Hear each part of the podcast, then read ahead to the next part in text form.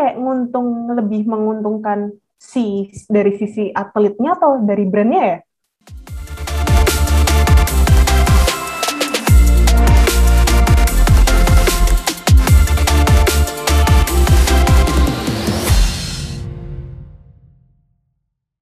Squad, welcome back to Elephant Podcast, tentunya di segmen E-Pop, Elephant Pop.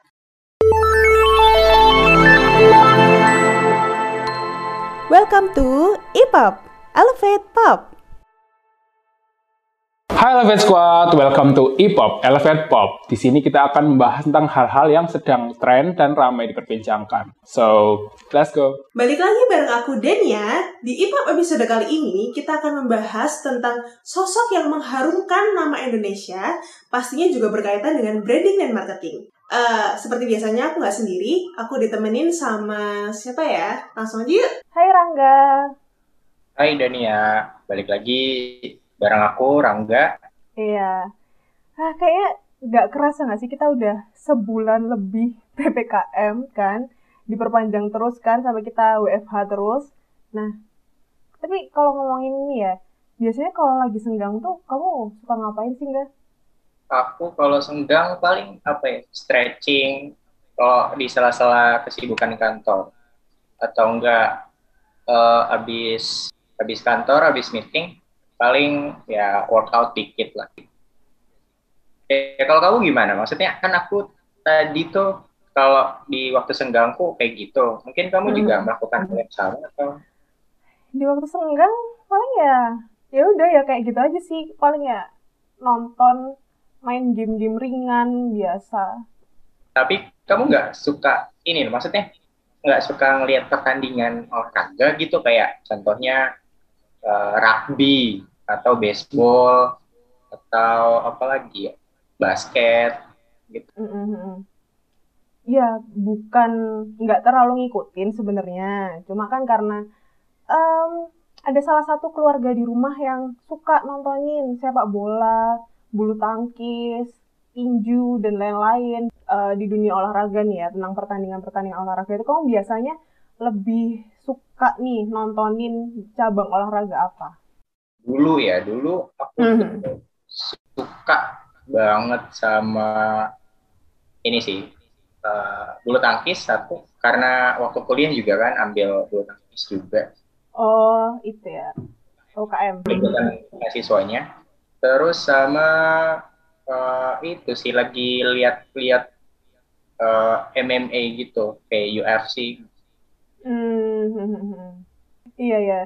Tapi ya, nah kalau misalnya di Tokyo Olympic 2020 kemarin nih kan ada beberapa eh, atlet dan cabang olahraga yang eh, dikirim nih dari Indonesia ke Jepang. Kalau kamu sendiri jagoin waktu itu jagoin siapa sih? Ya, kalau aku menjagokan bulu tangkis tadinya. Salah satunya bulu tangkis. Kayak banyak atlet muda kita di sana tuh yang Betul, betul, betul.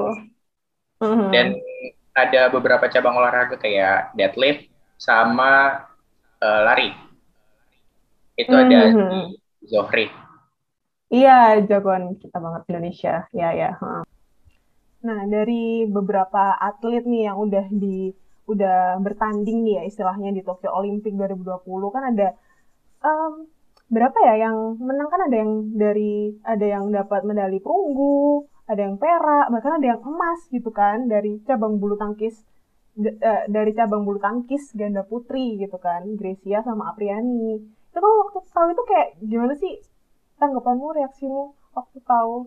Eh, reaksiku ya apa ya bangga lah sebagai warga warga warga Indonesia ya kita patut berbangga lah karena menurut aku yang pernah aktif di dunia olahraga eh, olim medali olimpiade itu adalah apa ya kasta tertinggi dari semua kompetisi olahraga sih, menurut aku ya.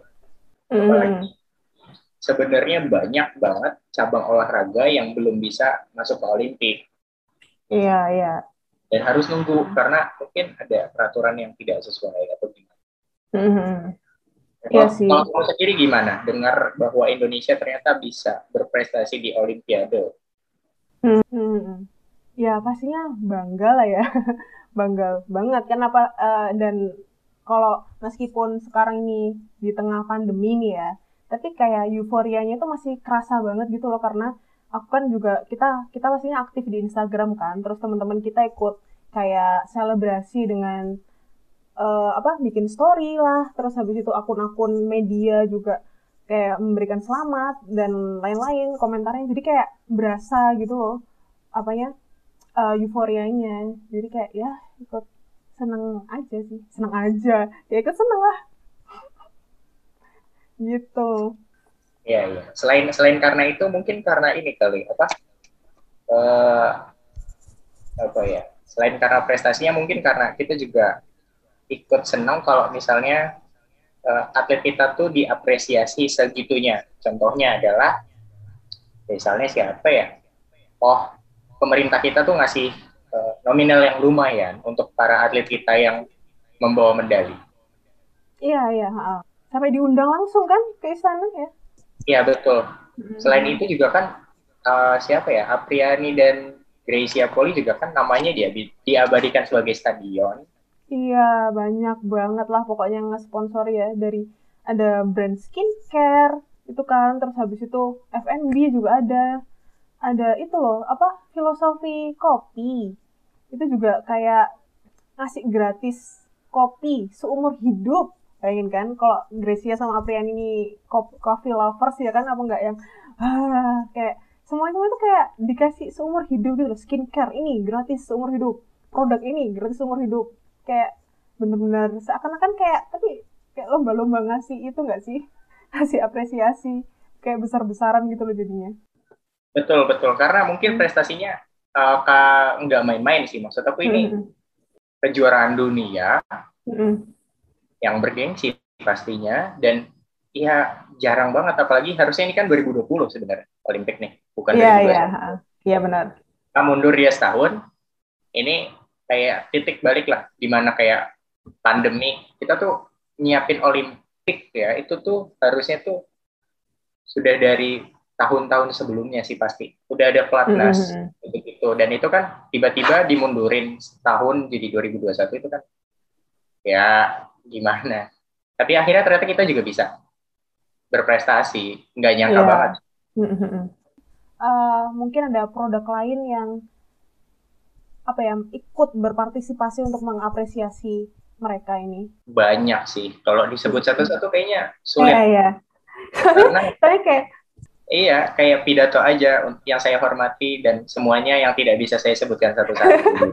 Saking banyaknya nggak sih? Betul, betul, uh-huh. betul. Karena apa ya? Bahkan yang tidak relate dengan alat-alat olahraganya mm-hmm. ikut sponsori. Padahal iya, kayak, kayak misalnya apa ya? uh, franchise bakso. Tiba-tiba dia dikasih franchise bakso. Padahal kan keahlian dia main bulu tangkis kan. Tidak ada hubungannya sama sekali. Gracia sama Apriani ini kan banyak banget disebut di mana-mana dan diapresiasi dengan se segudang hadiah gitu kan. Nah, tapi kamu uh, kenapa ya? Pernah mikir gak sih kayak Indonesia ini di mata dunia itu kayak identik sama bulu tangkis jadinya kayak bulu tangkis ini jadi salah satu kayak apa ya prima dona di Indonesia gitulah untuk cabang olahraga gitu. Mungkin karena ini kali Dania uh, apa apa sih kita tuh punya budaya yang kalau ngabuburit ingat nggak sih kalau kita ngabuburit atau pertama kali puasa di minggu-minggu satu sampai minggu pertengahan mm -hmm. di bulan pertengahan itu kayak aku ingat banget dulu waktu aku kecil aku pasti main bulu tangkis pagi-pagi walaupun itu puasa itu tuh udah kayak ngebudaya banget menurut aku itu olahraga yang gampang hmm. dimainkan bisa dimainkan indoor ataupun outdoor alatnya juga ada yang mahal ada yang murah tergantung kekuat apa ya tergantung daya beli kita jadi kayak semua orang bisa mainin nggak perlu hmm. belajar sampai bertahun-tahun yang penting dia bisa mukul shuttlecocknya mm. itu bisa langsung main Iya. Dulu aku ingat banget di kampung aku waktu aku masih kecil aku nggak punya raket tapi aku bisa main pakai entah papan atau enggak hal yang sederhana kayak pakai sendal itu pun bisa asal ya maksudnya kayak banyak apa ya banyak ada kreativitas dalam memainkannya juga. Iya benar. Nah selain uh, emang kayak siapa aja semua kalangan bisa main nih. Dan kalau setauku itu juga mungkin uh, cabang olahraga bulu tangkis ini jadi kayak salah satu yang ikonik lah ya di Indonesia itu karena emang dari dulu tuh kayak dari tahun berapa ya 70-an 90-an itu bahkan banyak prestasi-prestasi dari atlet bulu tangkis gitu loh di kejuaraan dunia. Jadi uh, mungkin apa ya secara nggak langsung jadinya jadi identitas atau kebanggaan Indonesia nih dari cabang ini. Ya Ah iya betul, sependapat dengan Dania. Uh, itu juga kasusnya tuh sama kayak apa ya? Misalnya Brazil dengan street soccer. Terus apa lagi ya?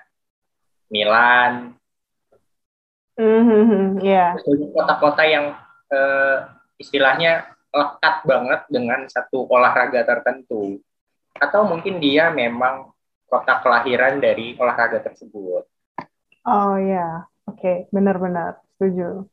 Nah, oke, okay. balik lagi nih ya sama tadi kita ngomongin tentang beberapa brand nih yang ikutan selebrasi nih di uh, untuk beberapa atlet gitu kan. Uh, Sebenarnya itu kalau menurut kamu ya enggak, ini tuh kayak nguntung lebih menguntungkan si dari sisi atletnya atau dari brandnya ya? Uh, menurut aku ya Dani ya, ini pendapat aku aja sih dua-duanya tuh sama-sama diuntungkan karena apa? Atlet itu pasti punya persiapan dan persiapan itu butuh dana. Contohnya adalah persiapan latihan. Dengan kondisi pandemi kayak gini, otomatis apa ya? Dia butuh ruang yang lebih private, bukan ruang umum untuk latihan dia. Apalagi kayak misalnya dia latihan fisik, itu nggak bisa dia di gym yang banyak bapak-bapak berkeringat gitu nggak bisa Benar, benar, setuju. Harus ruang private karena apa ya? Pertama untuk lolos screening bandara. Satu. Maksudnya kalau amit-amit gitu, tiba-tiba habis sudah mau tanding, tiba-tiba positif COVID kan? Siapa yang harus bertanggung jawab? Maksudnya mm-hmm. ya itu dana yang harus dikeluarkan tuh gak dikit banget. Itu gede sih harusnya. Belum lagi vitamin, makan, dan suplemen. Itu udah berapa? Nggak bisa apa ya nggak bisa nutup kalau misalnya dia tidak punya sponsor. Makanya kehadiran dari sponsor atau brand-brand yang ingin apa ya atau seenggaknya brand-brand yang mengapresiasi hasil dari kerja keras mereka menurut aku ya pantas. Dan nguntunginnya nggak cuma satu pihak dua-duanya menguntungkan. Contohnya dengan adanya prestasi pasti ada blow up berita yang besar dari situ brand-brand oh, menumpang apa ya menumpang ya seenggaknya berita lah. Hmm. kayak ikutan ada lah barisnya di pengumuman atau di sosmed misalnya.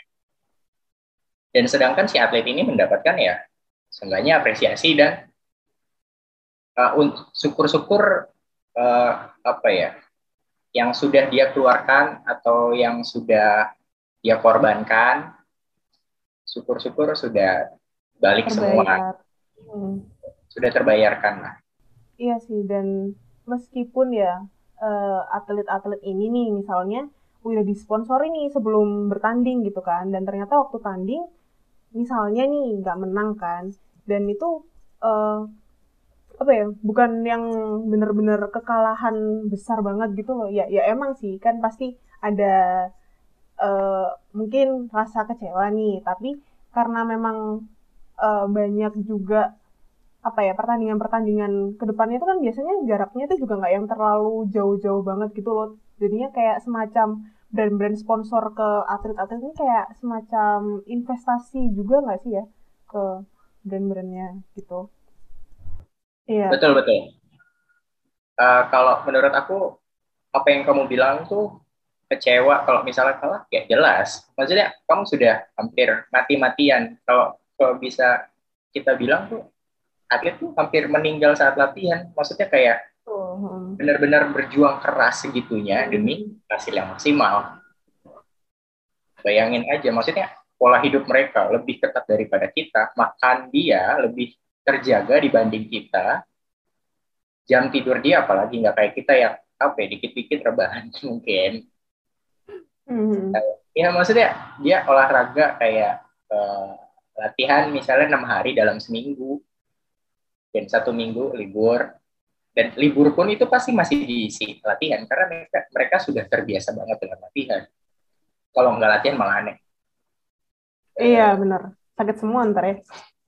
betul tapi eh, di apa ya dari point of view itu menurut aku kekalahan di Olimpiade bagi atlet-atlet kita menurut aku bukan sebuah hal yang kayak kayak buruk loh karena Mhm. ini Olimpiade loh maksudnya dia mewakili negara kita yang which is dia adalah orang yang terbaik se Indonesia berarti dong Iya, benar. Itu udah membanggakan ya. kancah dunia dan menurut aku Olimpiade itu adalah event terbesar atau kompetisi terbesar atau tertinggi lah bagi para ya, atlet. Jadi ya ya udah dia kalahnya ya kalah di ajang bergengsi banget sedunia. Nggak apa-apa kok. Manusiawi. Berarti emang ya sedunia kalau kita nggak jago sedunia ya udah nggak sih? Mhm. Ya namanya juga pertandingan ya kan ada yang kalah, ada yang menang. seenggaknya itu bisa jadi pelajaran untuk dia siapa tahu di Olimpik selanjutnya dia bisa ikutan lagi dan dia bisa belajar dari keka- kekalahannya dia gitu. Ya, tapi ya kalau ngomongin tadi tentang eh, brand-brand yang mungkin ya sama atlet ini saling menguntungkan satu sama lain lah ya. Nah, itu kan kalau misalnya brand-brand ini misal nih brand raket atau brand sepatu nih, kan itu kan kayak bener-bener masih relate gitu loh sama eh, sama atlet-atlet ini gitu kan yang dipakai di di apa pertandingan-pertandingan gitu kan. Nah, tapi kan sekarang tuh juga banyak eh, sponsor-sponsornya tuh yang apa ya nggak relate mungkin ya bisa dibilang kayak nggak relevan sama sama si atlet ini tadi gitu. Tentang apalagi sama cabang olahraganya. Kalau kayak gitu tuh eh, apakah menurutmu ini masih diuntungkan ya brand-brand ini? Menurut aku ya Aduh, karena ya gimana dia dengan dia menang dia bakal terkenal di negara asalnya. Siapa pun yang menang dalam Olimpik ini pasti terkenal di negaranya.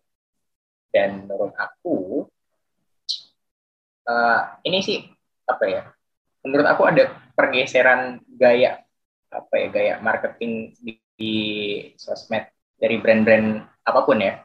Banyak sekarang tuh banyak brand-brand yang mulai peduli gitu loh yang mengatasnamakan kayak kepedulian terhadap sesama. Menurut aku landasan mereka untuk mensponsori atlet-atlet yang telah berprestasi adalah karena ya manusiaan aja. Maksudnya ya rasa terima kasih juga. Selain pastinya ada yang diuntungkan juga. Maksudnya nggak nggak pure dia memberi juga tapi ya pasti ada. Seenggaknya numpang engagement itu nggak apa-apa nggak apa-apa. Numpang brand awareness gitu ya. Itu nggak apa-apa kok. Mhm. Eh, ya apa ya apalagi gila-gilaan sih. Maksudnya ngasihnya kayak kopi seumur hidup. Diamond seumur hidup. Seumur hidup ngapain kan? Jadi dia Mhm. oke, mungkin bu- bukan bukan sesuatu yang mungkin dia akan gunakan. Atau bermanfaat Iya. bagi dia juga sih sebenarnya. Tapi seenggaknya brand-brand ini telah menunjukkan rasa apa ya dia peduli loh dengan prestasi Indonesia dan dia bangga punya atlet seperti mereka-mereka ini gitu. Karena eh, di Indonesia apa ya masih tinggi kan eh, apa rasa kepedulian atau seenggaknya kayak proud to be Indonesian itu tinggi. Dan kalau misalnya ada sebuah brand yang kayak gitu ya berarti melambangkan si apa ya audiensnya juga sebenarnya. Yang mostly proud to be Indonesian Tapi sebenarnya kayak eh dari dulu tuh juga banyak sih nggak sih yang kayak gini fenomena- fenomena-fenomena kayak gini misal kayak ada ajang nggak disampul nih. Nah pemenangnya di supply make up gratis selama setahun misalnya kayak gitu kan sebenarnya juga eh, nggak terjadi di cabang olahraga aja gitu. itu gak disampul tahun berapa kalau boleh tahu itu udah lama nggak sih Iya, aku aku aku tahunya sih yang Miss Universe mungkin ya. Iya, iya. heeh.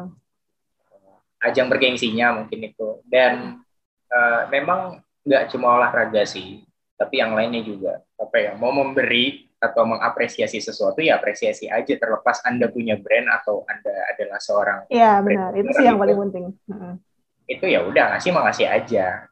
Kalau misalnya mau apa ya mau menjalankan strategi kayak mau menggait dia jadi PA misalnya brand ambassador ya itu beda lagi. Karena sebagai brand kalian harus punya kontrak terikat terhadap dia dan itu harus disetujui dia juga. Apakah kontraknya nggak disetujui ya susah juga. Ya beda lah. Kalau apresiasi mah nggak terikat kontrak. Kalau misalnya anda mau menggait sebagai KOL ya butuh kontrak juga. Itu dua hal yang berbeda sih ya ah oke okay, enggak kalau gitu kayaknya kita udah cukup lama berbincang-bincang gitu kan tentang yang lagi hype banget saat ini thank you banget ya udah nemenin dan semoga podcast kita kali ini ya bisa apa ya bermanfaat mungkin atau menginspirasi dan menghibur. Ya, kalau menghibur tidak tahu, tapi kalau semoga hmm. bisa apa ya, bisa lebih insightful lah. Hmm. Lebih tahu kayak kalau ada brand mengapresiasi bukan berarti juga itu adalah satu gimmick. Thank you guys, see you. Thank you dan thank you. Oke Elevate Squad, sebelumnya saya mewakili seluruh tim Elevate dan warga Indonesia sekali lagi mengucapkan terima kasih untuk para atlet Indonesia yang selalu berjuang untuk mengharumkan nama Indonesia. Dan pastinya untuk brand yang ikut melakukan selebrasi dengan memberikan apresiasi berupa segudang hadiah adalah hal yang wajar. Pun dengan brand-brand yang mengajak para atlet untuk bekerja sama sebagai salah satu dari strategi marketing mereka ya it's okay gitu kan. Jadi menurut kita ya uh, antara brand dan para atlet itu sama-sama diuntungkan. Nah, kalau menurut Elevate Squad gimana nih? Komen di bawah ya. Terima kasih udah dengerin Elevate Podcast sampai habis. Jangan lupa like dan share ke teman-teman kalian ya. Semoga menginspirasi. See you!